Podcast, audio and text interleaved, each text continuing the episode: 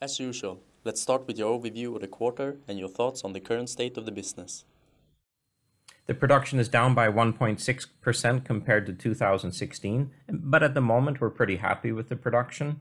Uh, I've explained on a few occasions that we had uh, three of our high volume programs low at the beginning of the year. Uh, the first of those was the Ford V6. Um, it was down for retooling of the line to prepare for the F 150 production. The V6 volume has now returned to the normal level, and, and we can expect a further boost as the F 150 production ramps up. The second was a commercial vehicle program and that is now fully recovered. Uh, the third quarter production was equal to the 2016 run rate. And so that was really a big step because commercial vehicles are large, heavy castings, and, and they add up quickly in engine equivalent terms. The third of the three low programs is the uh, FCA V6 diesel. The EPA approved the diesel for sale in the Ram 1500 and the Jeep Grand Cherokee on 28 July. So that's a really good step, but it was late in July, so that was one of the three months in the third quarter already gone. Um, they've resumed vehicle sales, but they're still consuming engines and castings from stock. So we haven't seen a recovery contribution yet from the FCA program. Um, so overall, two of the three programs have recovered.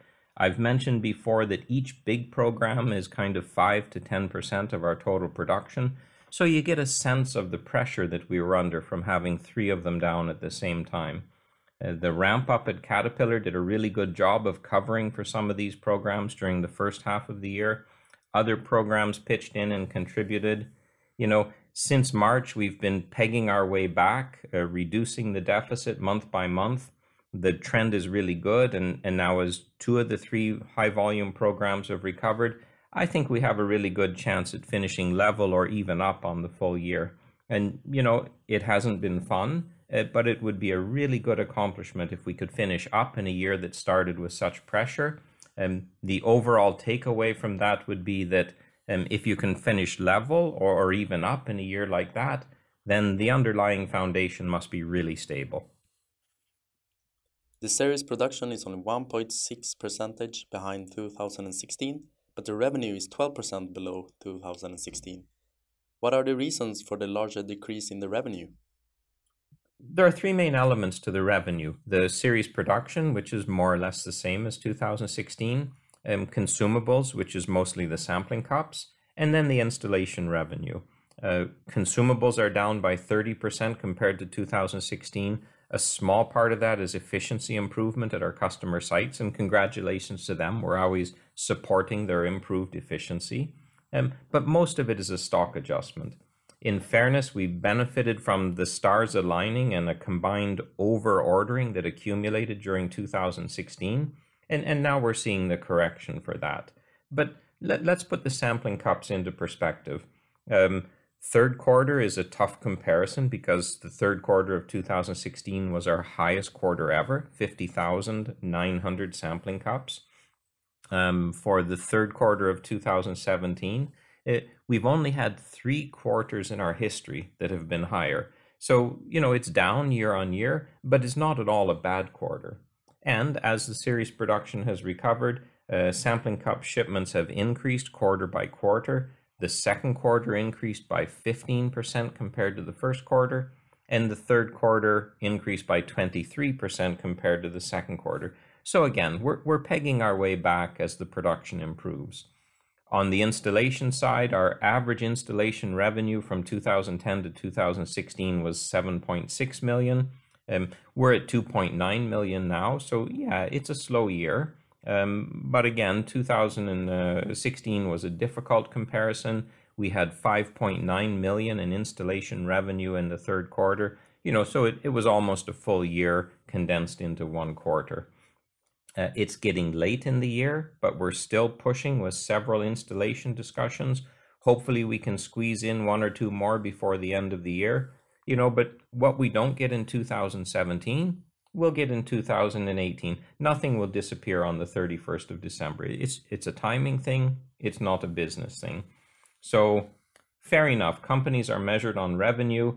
Our year-on-year revenue is down 12%. But if you want to judge instead of measure, uh, look at the production. Production is our foundation, and the current production is strong, and the development pipe looks really good. You mentioned in the first question that the FCA diesel volume has not yet started to recover. What is the outlook for the FCA diesel? Well, the good news for the FCA diesel, it is certified by both the EPA, the Environmental Protection Agency, and, and also by CARB, the California Air Resources Board, so it can now be sold everywhere in North America. It's also interesting to note that the current NOx limits in the US are about half of the European NOx limits, so it shows that the clean diesel technology can satisfy the current and even the future legislation here in Europe. Um, we don't know how much stock FCA had either for castings or assembled engines. Um, we didn't see any production increase in the foundry in the third quarter, so we can still expect a contribution uh, both from refilling the dealer network and, and, also from the ongoing sales demand. And actually, I, I don't have the answer. We'll all need to wait and see what the diesel take rate will be for the Ram and for the Jeep, um, but clearly it will grow compared to where we are now. Um, at the same time, FCA has announced that they will sell the Jeep Wrangler with the 3 liter V6 diesel, and they're also going to launch a new Wrangler pickup, which will have the 3 liter V6 diesel as an option. So, this is two really high profile new vehicle applications. And they will increase the market opportunity for the diesel. And it'll also be interesting for us to learn more about the Wrangler launch planning, uh, which will probably be announced at the Detroit Auto Show in January. So the Ram 1500, it's the third best selling vehicle in the US. It will come back. Uh, the Jeep Grand Cherokee, it will come back. We have the new Jeep Wrangler application and the Jeep Wrangler pickup. Um, these will provide new opportunities. So it's clear that the volume will grow and, and Sintercast will benefit from that. We're now into the fourth quarter. How do you think Sintercast can finish the year? when we look back on 2017, I think we'll see a year where we had a, a, tough start, but hopefully a good finish. With two of the three high volume programs recovered, I'd like to think that we'll, we'll have a good fourth quarter and, and an opportunity to finish with an overall increase in the full year production. Uh, but that'll probably depend on the December volume. You don't get much out of the last 10 days of December, so we'll have to see the shipping from the foundries. Um, sampling cups, uh, that depends on the order cadence of the customers. Uh, and if they want to push any orders into 2018, I think we'll be steady. Uh, we've worked our way through this accumulated overstocking, so we'll have a clean sheet of paper for the start of 2018. On the installation side, we'll push for as much as we can for as long as we can. Uh, Sintercast always has done that. Um, I don't believe at all in sheepdogging things into the next year to make the new year better. That that's a silly game. We won't do that. Um, so it's exciting to see how the fourth quarter and the full year production will finish. Uh, we should start 2018 on flat ground, and in the meantime, we'll push to get as much as we can get.